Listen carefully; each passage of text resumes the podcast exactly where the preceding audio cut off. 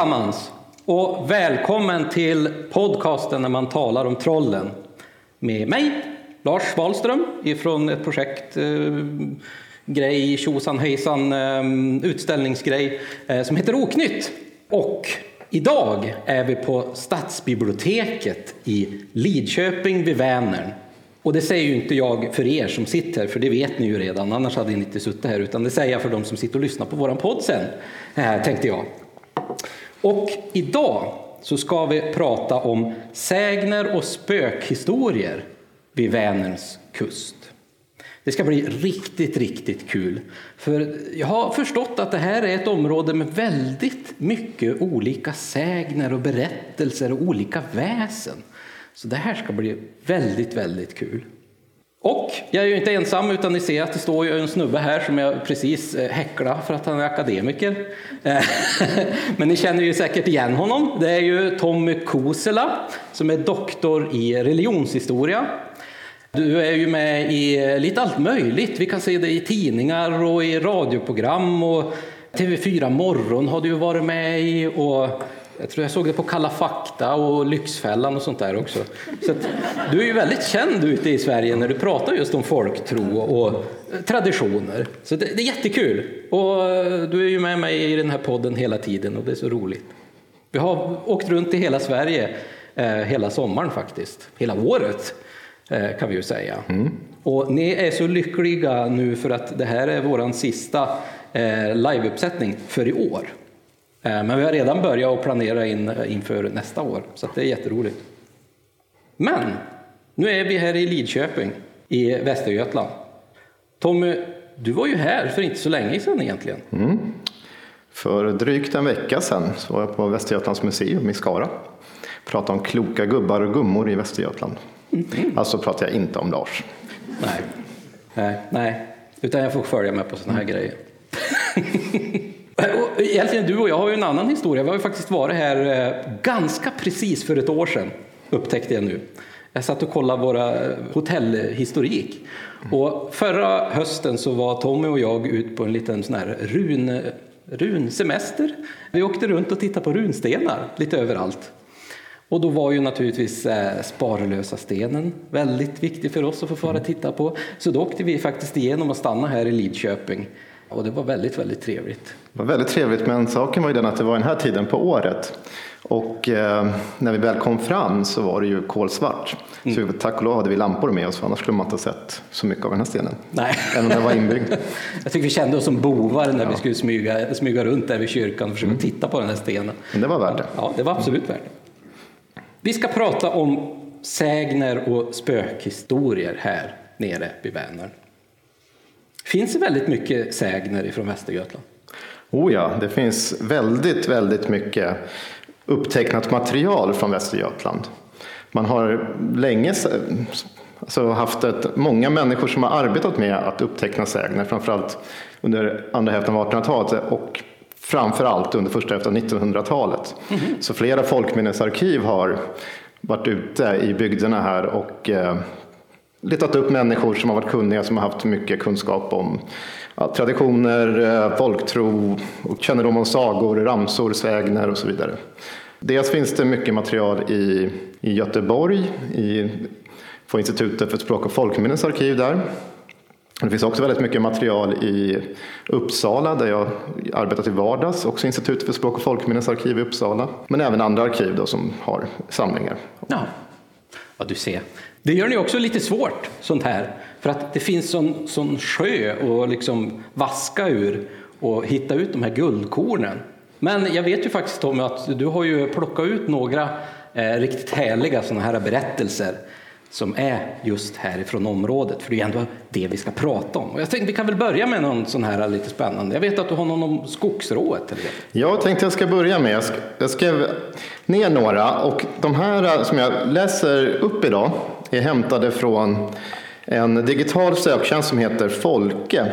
Och det här är då baserat på folkminnesuppteckningar som finns i Göteborgs.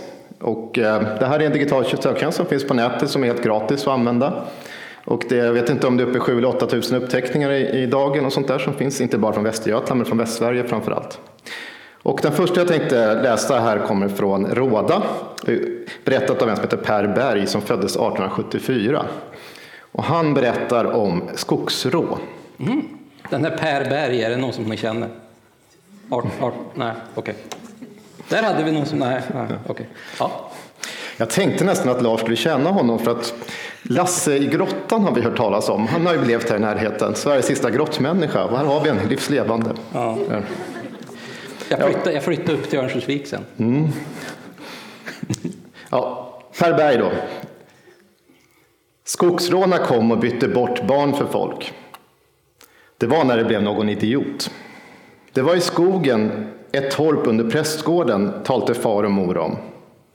Det var en julmorgon. Det hade gått till julottan nästan alla från den stugan. Hustrun var hemma emellertid. Då knackade det på dörren. Stig in, sa kvinnan. Då kom ett skogsrå in och bad om mat och dryck. Nej, jag är trött och går inte upp, svarade kvinnan. Vill du inte gå upp ska du och få ligga, sa skogsrået. Och sedan låg kvinnan i flera år. Att det var ett skogsrå förstod hon av det, att hon var ihålig där bak. Mm -hmm. Du ser, det här skogsrået verkar ju ha ganska stor makt. Tvinga ner den här människan på backen. Ja, hon vill ju inte hjälpa skogsrået i det här fallet. Där, därav får hon ju straffet att mm. Då får du väl ligga kvar där om du är så mm. lat och inte vill resa på dig. det låter som vissa chefer jag har haft. No. Och det här med att eh, man kunde se det här skogsrå, att det var ett skogsrå, eh, var att de hade liksom en ihålig rygg. Det blir ganska vanligt va? Mm. Jo, men ett skogsrå kan ju ofta se ut som, vi har ju gjort ett långt avsnitt, säkert några av er kan, kanske lyssna på det, men de kan beskrivas lite olika. Oftast är det som en vanlig kvinna fram till. Gammal eller ung, finns olika beskrivningar. Men det, som, det är någonting med henne som är utmärkande. Det är oftast att hon har kanske något djurattribut. Att hon kan ha hovar istället för fötter eller att hon har en svans som sticker ut under kjolarna. Mm. Hon brukar alltså inte vara naken som många konstnärer gärna avbildar dem som, utan de, oftast är de fullt påklädda i skogarna. Och det är ju märkligt nog om man är ute i skogen och det kommer någon med vackra kläder, rena kläder gående plötsligt. Ja, men då är det förmodligen ett övernaturligt väsen och så beskrivs många gånger skogsrået. Mm. Men annars om man ser hud på henne, om man ser ryggen, om hon nu skulle vara bar, då är det ofta som en urholkad trädstam eller liknande. Just det. det låter ju som en väldigt klassisk beskrivning av ett skogsrå den här rådande kvinnan som finns ute i skogarna. Det är ju rätt intressant ändå tycker jag, i alla fall när vi är i de här trakterna. Finns det mycket liksom, berättelser just om skogsrået här omkring? Ja, men skogsrået är ett av många väsen som absolut förekommer här mm. i berättelsetraditionerna. Så att skogs, skogsrået var ett exempel som jag valde ut här. Jag tyckte också det var lite roligt för man har blandat ihop saker och ting här. Eller meddelanden tänker på att skogsrået var den som kom och bytte bort barn för folk. Och det skulle förklara varför någon blev en idiot sägs det här. och det här är vanligtvis någonting man förknippar med trollen istället. Ja. Så den här berättaren, eh, Per Berg, då tänker sig, har hört att istället är det skogsrået som stjäl barnen. Mm. Och det är lite annorlunda. För mig är det ju, känns det lite vanligt för att vi har ju det här väsenet som man kallar vittra uppe i Norrland. Och det väsenet har ju liksom egenskaper från en massa olika eh, väsen.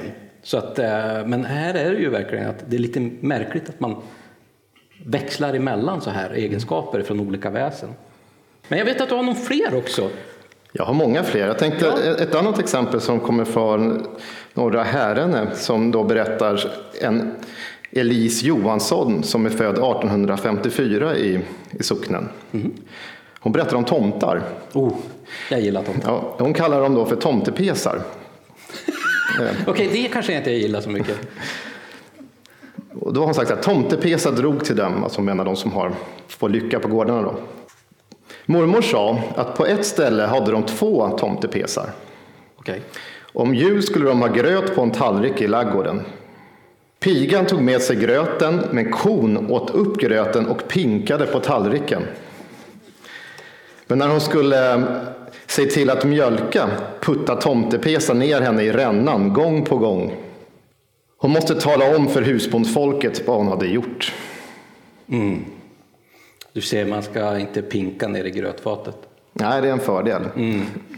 Och framförallt ska man inte jäklas med tomtarna. Nej. Det är det som är... Det är väl någonting som också är väldigt vanligt att just vi tänker ju oftast tomten som en ganska fin liten skäggig farbror i liksom hatt, och, eller inte kanske hatt, men en fin mössa, eh, som går runt på hjul och, och trixar och grejer runt eh, gården så här. Men många av de här berättelserna får vi höra att den här tomten kan vara ganska elak och liksom styv på något sätt. Fel ordval kanske när vi pratar om just tomtepesar. Men, men alltså att de, de kan vara väldigt eh, eh, bistra små figurer det här. Ja, oftast är de ju det. De är ju, de är ju ganska gammaldags. Eh, Storleken på dem är ju som, som små barn. Men att de är ju urstarka, det är väldigt vanlig beskrivning när det gäller tomtar. Och när man tänker hur de är klädda så är det ofta som en, en dräng med oftast ett dräktskick som är lite äldre. De har hängt kvar på gårdarna och funnits där sedan så lång tid tillbaka man kan minnas. Och eh, de vill att det ska gå till som det alltid har gjort, att man ska hedra arbetet och man ska vara flitig och, och arbeta hårt. Det är ganska luthersk i sin framtoning, man får inte arbeta på söndagar heller och man ska undvika att jobba på nätterna. Och man ska absolut inte eh, se till att korna äter upp deras gröt eller pinkar i deras tallrikar. Jag tror att det är många väsen som inte är så jätteintresserade av att det blir så faktiskt. Det, det, jag tyckte, ja, tomten är ju en sån där väldigt rolig varelse. Och den tycker jag också är ganska spännande för han finns ju inte bara här utan i stort sett över hela landet, eller hur? Mm, ja, från, precis, från Skåne i söder till Lappland i norr. Så tomtar med olika benämningar finns över hela landet. Tomtepes är ju en av dem såklart. Tomtegubbe och Tomtebisse och Nisse och så Ja. vidare. Jag tyckte, det finns ju också de här tomtarna som bara har ett öga, det tycker jag är lite läskigt. Så att de behöver ju inte bara se ut som den här lilla gulliga farbrorn inte. Nej, inte Jenny Nyströms tomtar nu. Nej, exakt. Jag tycker vi ska fortsätta på det här spåret att du läser och jag bara står och lyssnar och så kommenterar lite grann. Du har några berättelser här, två stycken vet jag, som kommer att att gå in lite grann faktiskt i vårt kommande ordinarie avsnitt. Som vi skulle kunna kanske lyfta lite grann. Det är just den här kring Odens jakt. Det finns en företeelse som brukar vara vid den här tiden på året när det blir mörkare som man kallar för Odens jakt. Ja. Och det här är alltså någonting som spränger över himlavalvet ofta, men inte alltid. Och att det är en jägare, en kung eller någonting annat, eller till och med en gud, där har de fått sitt namn, som jagar troll och annat, andra väsen. Och eh, har man otur kan man råka på den här. Och vi har ett par berättelser. Den första är, är berättat av en person som är född 1855 i Händene. Då. Och då berättar Nygren, som är född 1855, detta om Odens jakt. Den jakten har jag hört själv flera gånger. Det var en jakt som gick efter trollen. Det var en kväll som jag varit till Vinninga. När jag gick hem så kom jakten. Det var Odens jakt. Det är jag säker på. Det kom så hastigt att jag trodde att hela skogen skulle komma över mig. Det var tre röda hundar. Jägaren såg jag inte, men jag hörde att han sköt flera skott. Det var en jägare som hade jagat en söndag. Han hade fått det till straff att han skulle döda trollen. Det var nattetid som han jagade. Oss där. Jaha, det där, det där, tycker, jag, vänta, det där tycker jag var rätt häftigt. Den som eh, var ute och jagade, han fick ett straff för att han var ute och jagade på en söndag. Ja, så här kan vi se de kristna eh, eh, delarna i de här berättelserna. Ja, just det, därför att han var ute och gjorde någonting på söndag. du ska inte arbeta Nähä. på söndagar. Just det. Men vi kallar det här Odens jakt. Varför är det Oden ikopplat till det? För att Oden är en av dem ibland som leder det här följet. Det finns flera sägner, ganska många faktiskt, där det är just beskrivs som att den har namngiven som Oden. Men i flera fall så är det en människa, en jägarmästare. Ibland kan det vara en kung eller någonting annat som leder de här. Det här är ju ingenting som bara finns i Sverige utan den vilda jakten som också går under namnet som finns, finns över stora delar av norra Europa.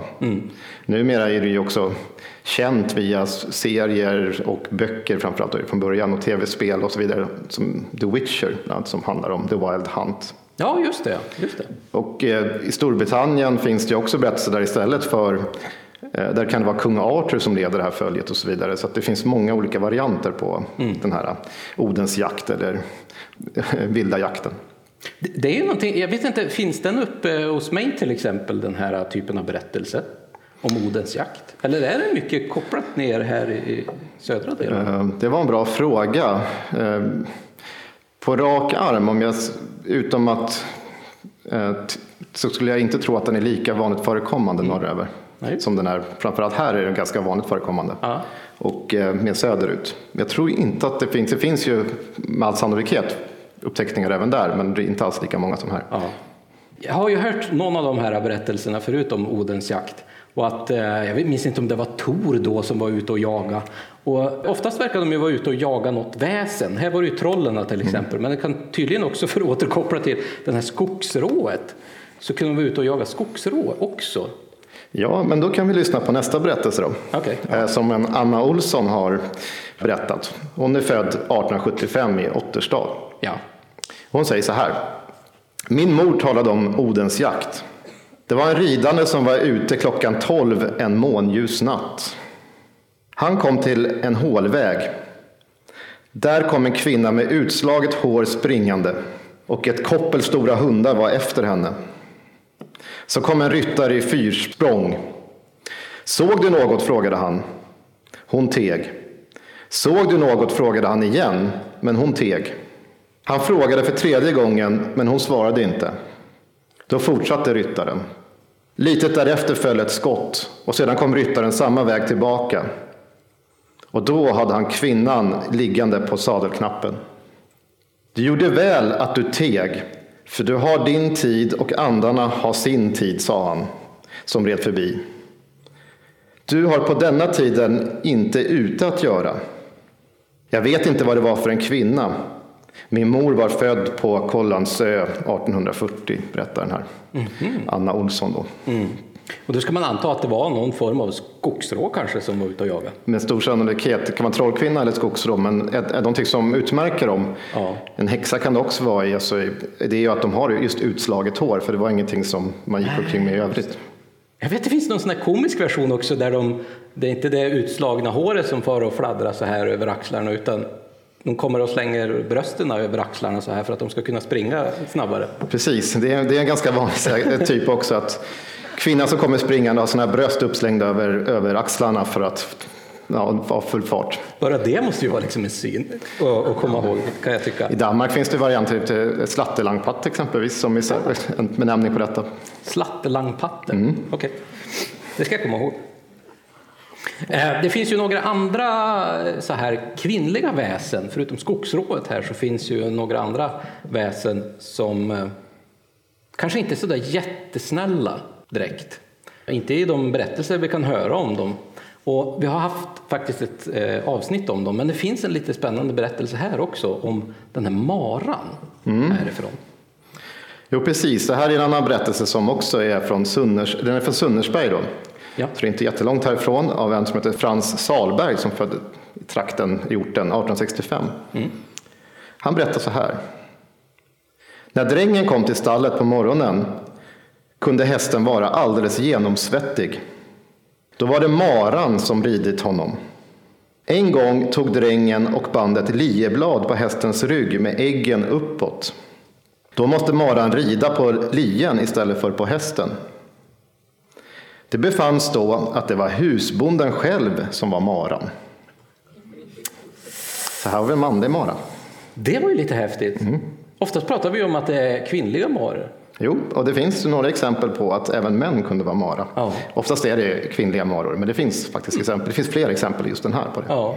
Men alltså den här maran, skogsrået är ju någon form av naturande, naturväsen som jag har förstått.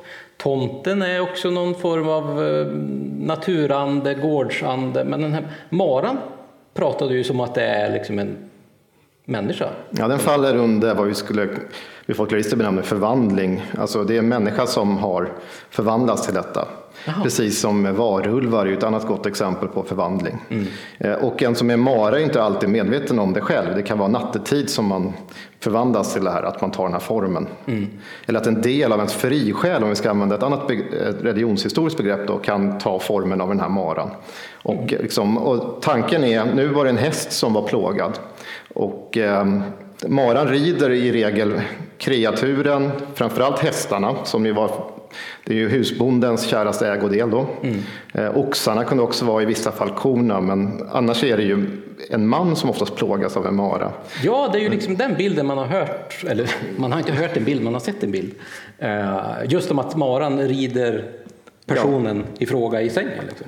Jo, det är en gammal föreställning som går tillbaka till vikingatiden faktiskt, i, som vi känner till i alla fall. Kanske till och med, vi vet inte hur gammalt det är, men vi vet att det finns en dikt som heter Ynglingatal. Och det här den är ju vikingatida. Och där finns det en kung i mina trakter, då, i, runt Uppsala, som blir riden av en mara som är utsänd av en kvinna norröver ifrån. Och den här pressar på kungens bröstkorg och krossar bröstkorgen, liksom, hela mm. idén. Och det där, idé, det där finns ju sen vidare, att oftast är maran i form av en kvinna som sätter sig på ens nattetid på bröstet och försöker pressa ihop det. Mm. Ibland kan den också ta formen av ett djur.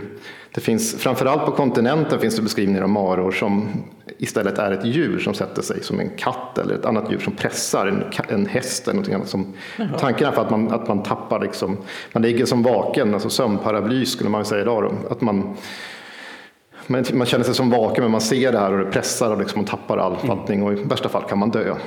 Idén här. Det är inte bara fina, gulliga tomtar vi har, Nej. tyvärr. Men hur, hur, blir man egentligen en mara, funderar jag lite på. Är det här någonting som är medvetet? Man förvandlar sig så här. Oftast när det är varulvar så brukar man ju inte kunna förvandla sig medvetet. Det är ju mer som att eh, man liksom är tvingad till det. På något Nej, men det finns ju självförvandling där också. Okay. Inte minst i Norrland.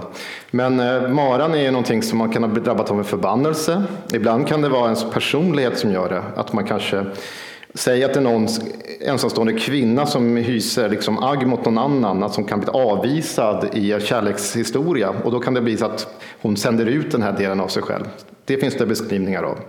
Eller just det här med att hon är trolldomskunnig. I vissa fall så är det medvetet, men i, flesta, i många fall så är det inte alls det. Så det är typiskt folktraditionen att vi har, vi har inga klara svar. Det finns ingen sån bok man kan slå upp att exakt så här är det, utan det skiljer sig åt från berättare till berättare lite grann. Mm.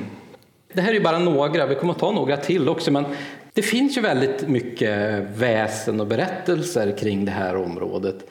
Finns det någon speciell anledning? Kan man se någon anledning till varför det är så mycket just runt här? Jo, men när de här um, folkminnesarkiven grundlades under första hälften av 1900-talet, då, om vi tänker oss då de här arkiven i Stockholm, Nordiska museet och sen har du i Uppsala, det som kallas för ULMA förut, Uppsala landsmålsarkiv. Mm. Och sen har du Göteborg som gick under benämningen DAG. Nu är både Uppsala och Göteborg samma institut för språk och folkminnen. Men alla de här ville man ut på landsbygden, man ville ut från stadsmiljöerna och hitta orter där människor har levt länge, mm. som har en rik historia. Och det var lätt att skicka ut människor också i, med studenter och så vidare, kanske från exempelvis från Göteborg som cyklade långt. Det blir klart långa vägar med övernattningar och sånt, men de samlar in berättelser av gamla. Mm. Så det var, det var mycket sånt, sånt man gjorde och det, båda de här arkiven, eller alla tre då, sände mycket människor till just Västergötland. Just det. Så vi har ju, och sen har vi flera sådana här väldigt eh, ambitiösa insamlare. Bland annat en hette Ragnar Nilsson som var mycket, framförallt i Västsverige och skrivit tusentals sidor material som nu ligger i Göteborg. Mm. Gud vad spännande. Det finns säkert, eh, vi är ju mitt i ett bibliotek också. Det finns nog otroligt mycket spännande material här. Vi såg att det fanns ett arkiv här uppe. Och det, vi vill nästan gå dit och, och eh, pilla lite grann, men vi kan inte göra det nu. Tyvärr. Vi får, vi får vänta till någon annan gång. Eh, vi kanske ska ta någon eh, till sån här eh, liten berättelse. Du har ju en som kanske är lite roligare, tror jag, än just en mara. Men du har ju någonting som handlar lite om magi här. Mm. Jag tog med lite trolldom, för varför, varför inte? Varför um, inte trolldom? Liksom? Och nu är det kärleksmagi vi ska prata om. Yes. Lika bra att du börjar anteckna. Ja, vänta. Och som sagt, det jag läser upp nu, det bygger på någonting som en Edvid Lindgren har sagt från Björlanda. Och eh, jag skulle inte rekommendera att ni testar detta. Och det här vänder sig till män som vill få sig ett fruntimmer. Och då säger Edvin så här. Man kan få vilket fruntimmer som helst. Nu blev han till sig. Det lät så spännande. Jag tar långsammare så slipper du bli så upphetsad. Man kan få vilket fruntimmer som helst att komma till en då man önskar. Genom att taga två grodor, en med ett A och en med ett G på ryggen. Man kan sätta dit lappar alltså. Dessa läggas i en ask. var i man förut gjort många småhål, så stora att myror kunna krypa in, i, in inne och ut genom dem. Asken med grodorna ställer man en torsdagkväll på en myrstack. När detta är gjort eh, ska man lämna platsen fortast möjligt så att man ej får höra lätena som grodorna uppstämmer när myrorna börjar bita dem. Helst bör man ha hunnit inomhus före myrorna börjat bita grodorna. Hörde man ljudet grodorna uppropa misslyckades det man åsyftade med företaget. Det ansågs till och med farligt om man hörde grodornas klagoläten. När myrorna avätit köttet på grodorna så tog man högra bakbenet på den grodan som var märkt med ett A samt vänstra bogbladet av G-grodan. Mm. Bakbenet ser ut som en krok och bogbladet som en skyffel. Med dessa benen i fickan ska man gå och tala med det fruntimmer man intresserar sig för. Man tar grodbenen med sig då man går till sängs. När man önskar kvinnan komma till sig tar man kroken och drar med den i luften.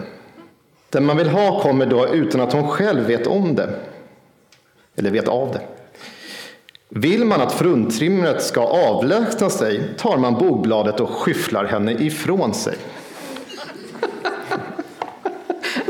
Vet, ja, det kanske är mer, eh, mer succéer där än Tinder i och för sig. Ja. Jag tycker synd om grodorna dock. Ja, ja det, är, det, känns som väldigt eh, elakt att utsätta grodorna för det här. Måste jag säga. Det verkar alltid som att det är så himla komplicerade såna här ritualer, när man, i alla fall när man ska söka kärlek i de här berättelserna. Är det lättare idag menar du? Jag vet inte, då är det väl så att man swipar bara åt olika håll. Så jag antar. Ja, nej men det är så, det här med just med grodor, att de har den här kroken och, och nu fick vi en skyffelberättelse också, men den, det, det förekommer på flera håll. Mm. Så det här är bara ett exempel på kärleksmagi och det finns ju, nu ska vi vänta ner det, men det finns ju också för kvinnor att vinna män. Mm. En skillnad är dock att oftast när män, som i alla fall var en Edvin som berättar detta, då är han ju ute efter en sak. Vissa saker kanske inte förändras genom åren, men här vill han ju bara ha sex med kvinnan. Mm. Men att kvinnor istället i sådana här berättelser är oftast ute efter att vinna en make. Hon vill ha en, någon att gifta sig med. Och det här speglar på många håll eh, socioekonomiska förhållanden kan man säga. Att det var viktigt också att gifta sig tidigt och få en god make. Mm. Och därmed kunde många kvinnor till, ta till sån här kärleksmagi. Och namnet till trots, det låter ju gulligt men, eh, med kärlek. Men kärleksmagi här är ju exempel på svart magi. Alltså det är ju ett sätt att få en annan person att göra något de egentligen inte vill. Man, man liksom vänder deras vilja till sitt tåg så att säga. Mm. Och när det gäller kvinnor, det har vi också haft ett avsnitt om, men då får vi veta att då kan man ju ta till andra medel, menstruationsblod och annat i och servera till mannen man vill åt. Ja, det är väldigt mycket så kroppsvätskor och grejer när, när, när, kvinnor ska ha, liksom, utöva sin magi. Ja, men det är också för att sånt som kommer från kroppen är kraftladdat. Ah. Och det binder en person till dig. Det var tanken i alla fall i den här folkliga magin. Då. Mm. Inte bara folkliga magin, även i lärd magi är samma sak. Att saker som kommer, om det nu är svett eller blod eller saliv till och med, så är det kraftladdat. Mm. Hårstrån och sånt där är också sånt som man kan användas i magiskt syfte. Det är lite spännande med, med den här trolldomstanken att man utövar mycket trolldom och det är ju inte bara här utan det finns ju över hela Sverige naturligtvis. Mm. Men just att den här kärleksmagin sticker ut lite grann tycker jag. Att den blir så pass personlig och jag menar det här är ju, det låter ju som att man definitivt har provat de här grejerna. Måste man ju ha gjort. Den, jag menar, de är ju så himla utstuderade hur de ska utföras på något sätt.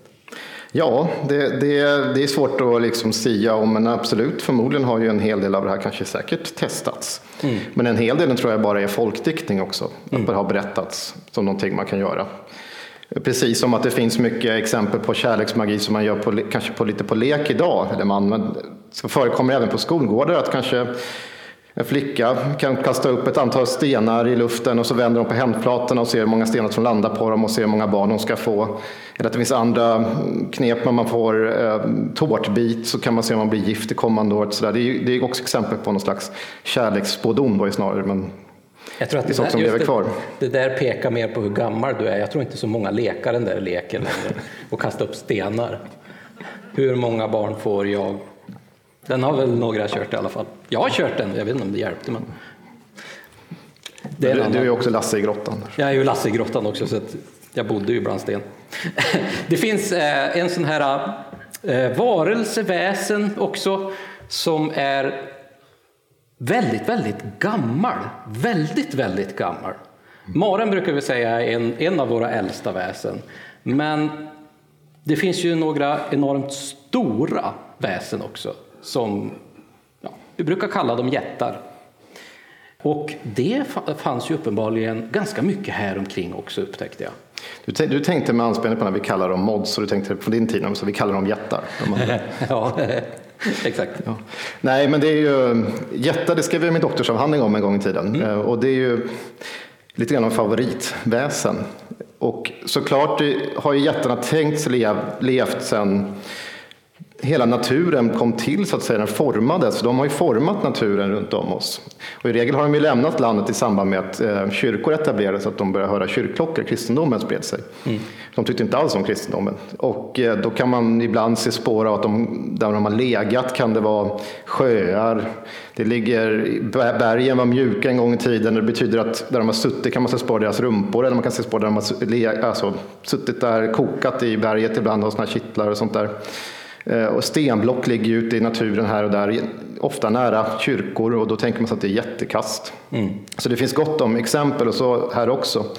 Det finns ju till och med sådana här berättelser som berättar om hur Öland och Gotland har kommit till av att det är jättar som har kastat dit dem där och då är ju såklart Vänern Gotland och Vättern är Öland då, som man med jättar har kastat dit. Men det är inte det jag ska berätta, jag ska berätta en annan två stycken som meddelar den här gången. Det är Johan Olsson som är född 1866 och Matilda Johansson född året innan 1865 från Västerplana. Och de säger så här. Det var troll och jättar som bodde i bergen. Bergfrua, det var jättens fru. Hon kom till folk och lånade smörkärnan. Innan det blev kyrka på Kinnekulle så var det fullt med troll och jättar i berget. När de fick höra kyrkklockor så kunde de inte leva där längre. Och så säger de vidare, det var en jätte som hette Helle. Han bar ihop hela Kinnekulle med ett förkläde. Han lade den ena plattan på den andra tills dess han fick den utsikt han ville ha. Det här var bara korta exempel på ganska många sägner som finns om jättar som har levt i området här. Det finns också om hur de försöker faktiskt angripa kyrkorna.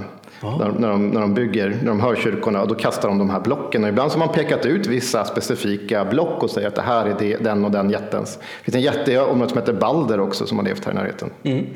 Ja, och de här stenarna, det känner vi säkert igen, det brukar man ju kalla jättekast. Sådana här jättestora bumlingar som helt plötsligt kan ligga ute på en åker till exempel.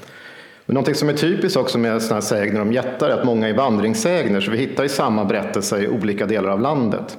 Man har bara sagt att den här äh, stenen där är på grund av den jätten som har hört de här äh, bjällerklangen från kyrkan och kastar om en sten. Och då har vi berättat om kyrkor över stora delar av landet, samma egentligen sägen, bara att jätten kanske var olika namn och sen olika platser. Kan, kan det vara ett tecken på att det är väldigt gamla sägner eller är det bara för att de är väldigt populära så de har spridit sig väldigt snabbt? Både och. Eh, Framförallt har de varit populära och de har varit lätta att begripa också och Ja, förstå. Så att, men visst, om man vill, verkligen vill hårdra då, och nu är jag väl inne på lite grann och spekulera, då får man göra som forskare. Annars är det jag som får spekulera för jag kan ju så lite. Men vad jag menar på det äldsta jättekastet i Norden är ju mellan Tor och jätten Rugner. Ja, just det. För han kastar också stenblock mot Tor och Tor kastar sin hammare mot jätten och splittrar eh, blocket i mitten och varpå han dödar jätten men också får en del av, av stenen i sitt egna brynsten då, i huvudet. Så det tänker jag är ett exempel på det. En annan sägentyp med jättar som är väldigt vanlig är också att de bygger kyrkor. Vilket är ganska intressant för att de har avskyr kristendomen och kyrkan men de försöker alltid lura till sig någonting av den som vill bygga kyrkan, om det så är en kung eller en präst. Och då vill de ju oftast ha tillgång till sol och måne eller ibland så hotar de med att de ska ha prästens ögon eller någonting annat som egentligen är omöjligt att ge. Och så får de en viss tidsfrist på sig och nästan när de klarar, klarar de av under den här tiden när den här beställaren då som har jätten som byggmästare måste hitta på ett råd och går och klurar hur han ska komma ur den här situationen och oftast då kan höra går, kanske går runt i landskapet, säger att det känner kullen exempelvis, och så hör han en eh, röst inifrån berget och då är det oftast eh, Antingen är det jättens hustru som berättar för deras barn att nu kommer den och den jätten hem, alltså som har ett namn. Och då får den här personen lära sig jättens namn och med namnet så har man makt över jätten och då kan den ibland säga det och då måste den här avbryta. Eller så förstenas den eller så drar den ifrån eh, landskapet. Det, det låter ju som att jättarna som byggmästare, som i de här exemplen, de blir väldigt sura över att de liksom inte får den belöning som de har blivit utlovad. Mm. Det borde funnits något sånt här jättarnas fackförbund eller något sånt där. Ja, man borde haft det. Um, då hade vi inte haft Freja och ingen sol och måne heller. Nej, för sig, det kan ju vara så. Usch vad hemskt med fackförbund. Eh, I alla fall för jättar. Då. Eh, det finns ju så här att eh, olika formationer kan bildas av jättar. Oftast är det ju att det är en liten sjö eller kärn eller urformningar i bergen och så här. Men det finns ju andra urformningar och naturplatser där man kopplar lite grann till eh, folktro och väsen och så här. Och speciellt en plats här. Vi har den här älven. Det finns en som heter Per A Berg, född 1874 i Råda, som berättar om Lidan. Mm. Och Lidan är ju en älv som går ner i landskapet från Vänern. Och hon berättar så här att min farfar drunknade i Lidan 1840. Mm. Mm-hmm. Älven ska ha ett liv varje år. Älven har inte fått något i år. Han måste ha ett, sa de. Och det inträffade så gott som varje år. Far och mor sa att de hade ropat i älven. Stunden är kommen, men mannen är inte här än. Inte tal om Nick eller strömkar eller att någon lärde sig spela i ån. Så att här avfärdar de helt den idén, utan det är älven som vill ha det här. Det här tycker jag var spännande. För annars är det ju, när vi pratar om olika typer av vattendrag så är det ju typ ett sjörå, vilket också finns väldigt mycket härifrån faktiskt. Eh, mycket kring den här sjöfrun till exempel. Men här var det mer att det var själva älven i sig som var någon form av naturande eller någon, någon, naturmakt på något sätt. Det är också ett sätt, jag tror att det är ett sätt också att förklara att förmodligen var det många som drunknade vid den här tiden och det var ett sätt att förklara varför. Och då blir mm. det som att älven i sig är nästan törstig efter liv och ska ha ett offer varje år. Och det här är något som vi också kan känna igen från olika mytologier världen över, att en viss drake kan det vara som ska ha ett offer varje för att liksom ska, trakten ska ha ett fortbestånd och det ska gå bra. Så då här blir det förklarat att nej, men själva lidan i sig behöver det här offret. Oh, det finns så mycket otroligt spännande grejer vi kan prata om här. Och jag vet, det finns ju hur många berättelser, berättel, berätt, berättelser. Jag skulle behöva lite vatten, det är synd att mitt är slut. Eh, som helst att faktiskt prata om. Eh, vi har ju lovat lite grann också om att det ska finnas några lite olika såna spökberättelser och det finns ju en hel del härifrån också. Nu var det så här att det finns mycket om gastar till exempel från det här området. Men vi valde just de här för att de var lite roligare. Många av de här eh, olika berättelserna är ju ganska, vad ska man säga, de är inte riktigt spöklika, tycker jag. Ja, det är ju lite grann hur man betraktar det. Eh, ja. oftast har vi en, en, idé idag om vad spökberättelse innehåller som kommer ganska mycket från gotisk litteratur och framåt. Alltså vi ska få kalla kårar på ett sätt. Läser man upp de här gamla berättelserna som eh, där ett... Oh, ska jag spilla ut den här också? Vad bra. Jag ska inte berätta om kärleksmagi nu. Så. Ah, okay. Men då ska det ofta, då ofta så här spöket, eller spökerier, det har oftast en förklaring. Det är någonting som har hänt. Det kan vara ett, ett mord såklart, och då dröjer sig spöket kvar. Inte för att det ska ha ihjäl de andra, utan oftast för att mordet ska uppklaras. Man ska få veta vad som har skett. Det ska få rättvisa så att säga. Då får den finna ingen ro i graven innan det, det har hänt. Och då ska gärna den här mördaren ha sitt straff. Eller så kan det vara att äh, det kan vara att den vill avslöja någon hemlighet som inte har röjts än och då vill den liksom visa de efterlevande vad som ska ske. Mm. Och det betyder att de här berättelserna var förmodligen ganska skrämmande såklart på sin tid också eftersom en död människa dröjer sig kvar. Äh, men det kanske inte är vad vi tänker på idag som spökhistorier. Sen har det en annan form, det är just gastarna eh, som är oftast anonyma. Vi vet inte vilka de är, de har funnits så länge och de kan vara ganska aggressiva och hänga sig på Eh, hästarna, och på, när du kommer med häst och vagn så kunde de hänga på, eller när du red, så du kände som en tyngd som drar ner. Och då kunde man kolla igenom oftast en ring av något slag, en ögla, så kunde man se, då kunde man ibland se den här gasten som sitter på. Mm. Ibland kunde det vara en kulle där de döda spök, alltså gastarna rullade runt överallt. Och ibland var gastar också en synonym med eh, mördade barn som dröjer sig kvar. Mm. Det som Många känner säkert igen benämningen myling som Astrid Lindgren använde, bland annat Emil Lönneberga. Men den typen av föreställning är också vanlig. Men gast är också en av benämningarna för detta väsen. Någonting som också är väldigt vanligt eh, eh, när vi pratar om spöken, det är ju oftast att det brukar spöka på slott mm. och i byggnader. Det finns ju ett väldigt känt slott här som heter Läckö slott. Ni har säkert varit där. Eh, kanske ni har sett något spöke, för jag hör att, eh, att det har spökat där en hel del. Det har gått någon sån här vit kvinna där bland annat. Ja, och ett slott, de flesta slott har ju någon form av vita damen eller eh, som, som visar sig och bakgrundshistorien till vem det är skiljer sig ju såklart åt från plats till plats men det här är något som vi finner på många slott eh, landet över. Och att det spökar på slott, särskilt ett som så pass gammalt som Läckö slott, är ju ganska naturligt kan man väl säga då, eh, ur berättelsetraditionssynpunkt. Eftersom ett slott utan ett spöke skulle man ju kanske inte kalla ett riktigt slott, den har ju liksom ingen historia då. Jaha, just det. Men annars är det ju Magnus Gabriel de la Garde som brukar vara den som spökar här. Mm. Eller att man har pratat om från fängelsehålen att man hört skrik och plågoljud från dem. Mm. Så det är väl lite sånt man kan finna i samband. Sen har jag också hittat i trakterna här äh, berättelser om huvudlösa ryttare och personer som visar sig på det sättet. Jaha. Och det är också något som hör ihop med spökberättelser. Ja. Just det här med, med De la Garde till exempel, är det vanligt att det är en känd person på sådana här slott som spökar? Liksom? Ja, kan det ofta vara. Alltså, gärna en känd person som har levt för länge sedan som dröjer sig kvar. Ja. Ibland så om personen anses vara girig eller har andra anledningar att dröja sig kvar i jordelivet, som man säger, då kan det visa sig. Mm -hmm.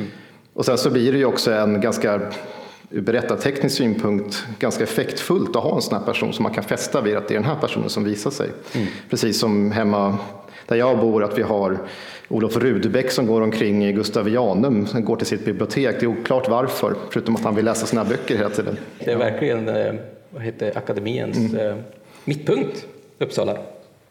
Vi har varit till eh, Jamtli och vi har haft eh, även ett jättestort avsnitt om just sjöodjur.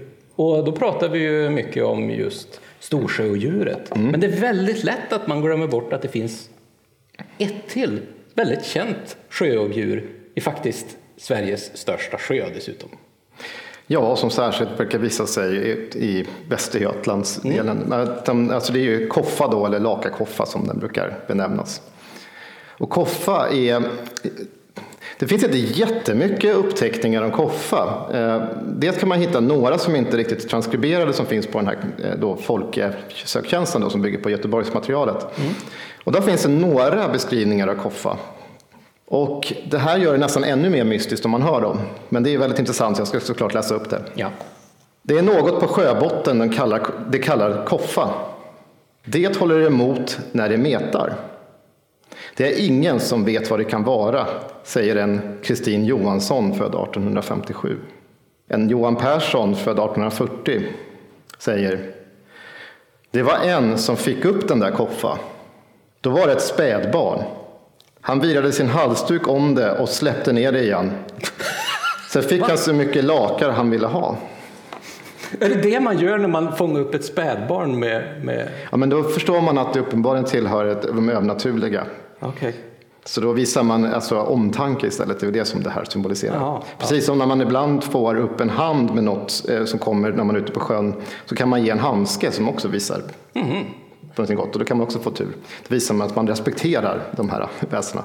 Eller att man vill ha åt lite mer fisk så att man får god fiskelycka. Ja, i det här fallet så var det väldigt lyckosamt.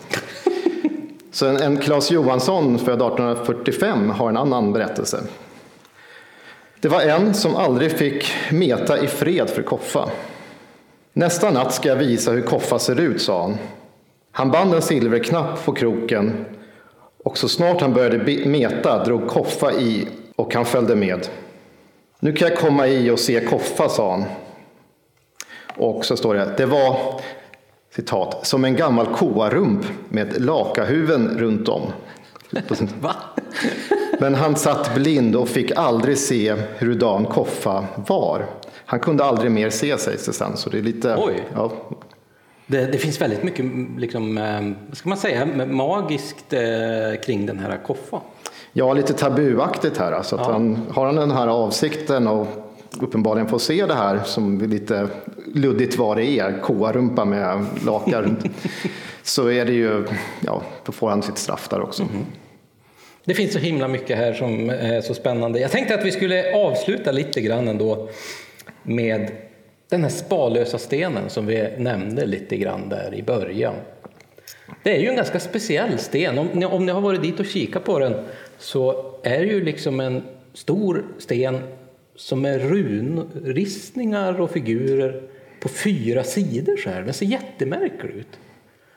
Och vad är det här egentligen för sten egentligen? Vad är det som gör den så speciell? Förutom att den är fyrkantig. Det som gör den så speciell är att ingen riktigt har lärt kunna tyda den än. Ja, då är den ju ganska mystisk. Ja, inte fullt ut. Det finns ju många tolkningsförsök. Det här är ju den mesta delen tänks ju vara 800-tal. Ja. Och vi har ju också fina stora alltså, bilder på den som är något slags djur som har tolkats olika. En av de senaste som jag hörde om var att det påminner mer om ett lodjur för ett fläckigt sånt där nästan eh, kattdjur. Och det har ett skepp på den. Du har ju runor som är väldigt stora från vad det brukar vara. Och du har dessutom en nyare runristning på de gamla. Jaha. Och sen har den här varit inmurad flera gånger i kyrkor, vilket har gjort att sen man hittade den på 1600-talet så har man murat in den gång på gång i Sparlösa kyrka. Så att den har liksom slitits eh, ganska rejält. Så att, ja, jag skulle säga att det som gör att ingen har en hundraprocentig tolkning, runologerna är i alla fall inte överens om hur, vilken tolkning som är bäst och hur man ska tolka den här. Ja, Jag tyckte den var otroligt fascinerande och den ligger inte så långt härifrån Lidköping heller. Det är ju är det, 30 minuter med bil eller något sånt där. Eh, Så jag tycker man absolut ska åka förbi och titta. Den, den trakten är, nu måste jag bara på något sätt angränsa till det jag pratade om förra veckan när jag var på Västergötlands museum. Det finns något annat från Sparlösa som är väldigt eh, känt. Eh, det är, i alla fall i den folkliga föreställningsvärlden. Det är, ju- var ju en klok gumma som bodde där. Jaha, Som kallades för Sparlösa-gumman. Så Britta, eller Britta som bodde där som var då en klok gumma man vände sig till med om man ville ha bot om olika saker eller om man behövde något kirurgiskt ingrepp eller annat. Så var hon bra att vända sig till. Och hon var, låg i tvistomål ibland med kirurger och annat men hon var ju med läkare alltså i stadsmiljö. Men hon var en av många, en av de kändare eh, kloka i Västergötland. Det finns ju andra som, två av mina favoriter är annars kanske mera åt det mörkare hållet, men det är Göta-Lena och eh, den kloke drängen som då var två som man tänkte var i förbund med djävulen. Och de, ibland i, i berättelser från varsitt håll så kan de, och båda är från Västergötland då såklart, eh, och båda beskyllde den andra, de sa att de var bättre än den andra. Som ett, ett exempel finns att eh, Anders, då, eller han kloke drängen, han säger att han har en småjävel mer än henne när han ska bota någonting. Vilket betyder att Göta-Lena har varit där innan och försökt med någonting och sen så har han en småjävel mer så att han är lite starkare helt enkelt. Ah. Han kan lösa det som inte hon kunde göra och vice versa. är, det är liksom rivalitet däremellan de här. Jaha. Och Men- folk for från lång, långväga avstånd för att komma till de här kloka personerna. Ja, men det kan jag förstå. De verkar ju besitta ganska mycket stor makt och kunskap. Eh, Kunde de liksom sånt här kring kärleksmagi och sånt där också? Ja, absolut. absolut. De Vad, vad sa kloka du att var hon hette här i Sparlösa? Sparlösa gumman. Sparlösa gumman. Hon, hon har inget telefonnummer säkert. Men eh, jag får kolla upp det där sen. Eh, men jag tänkte så här att vi kanske ska ta och tacka så hemskt mycket för oss. Det var jätteroligt att få se att det var så otroligt mycket personer som kom hit. Riktigt, riktigt trevligt. Eh, och jättekul att vi får vara här i Lidköping här på Stadsbiblioteket och få prata med en massa folk, tro med er. Och vill ni lyssna på oss mer, inte bara nu, eh, så kan man faktiskt bara söka på när man talar om trollen. Precis som det här gamla ordspråket, när man talar om trollen så står Tommy och jag på scen. Mm. Man kan bland annat följa oss på våra sociala medier där vi heter Oknytt Sverige på Facebook och Instagram. Och man kan även följa Tommy på Instagram där han heter Suttungsbrew. Så att, eh, det tycker jag absolut att ni kan göra. Och jag hoppas att ni har haft en trevlig eh, timme här med oss. Och jag tänkte att jag skulle köra en liten sån här eh, avslutningstrudelutt som här som jag brukar göra. Och sen så tänkte vi öppna för lite frågor. Tack ska ni ha.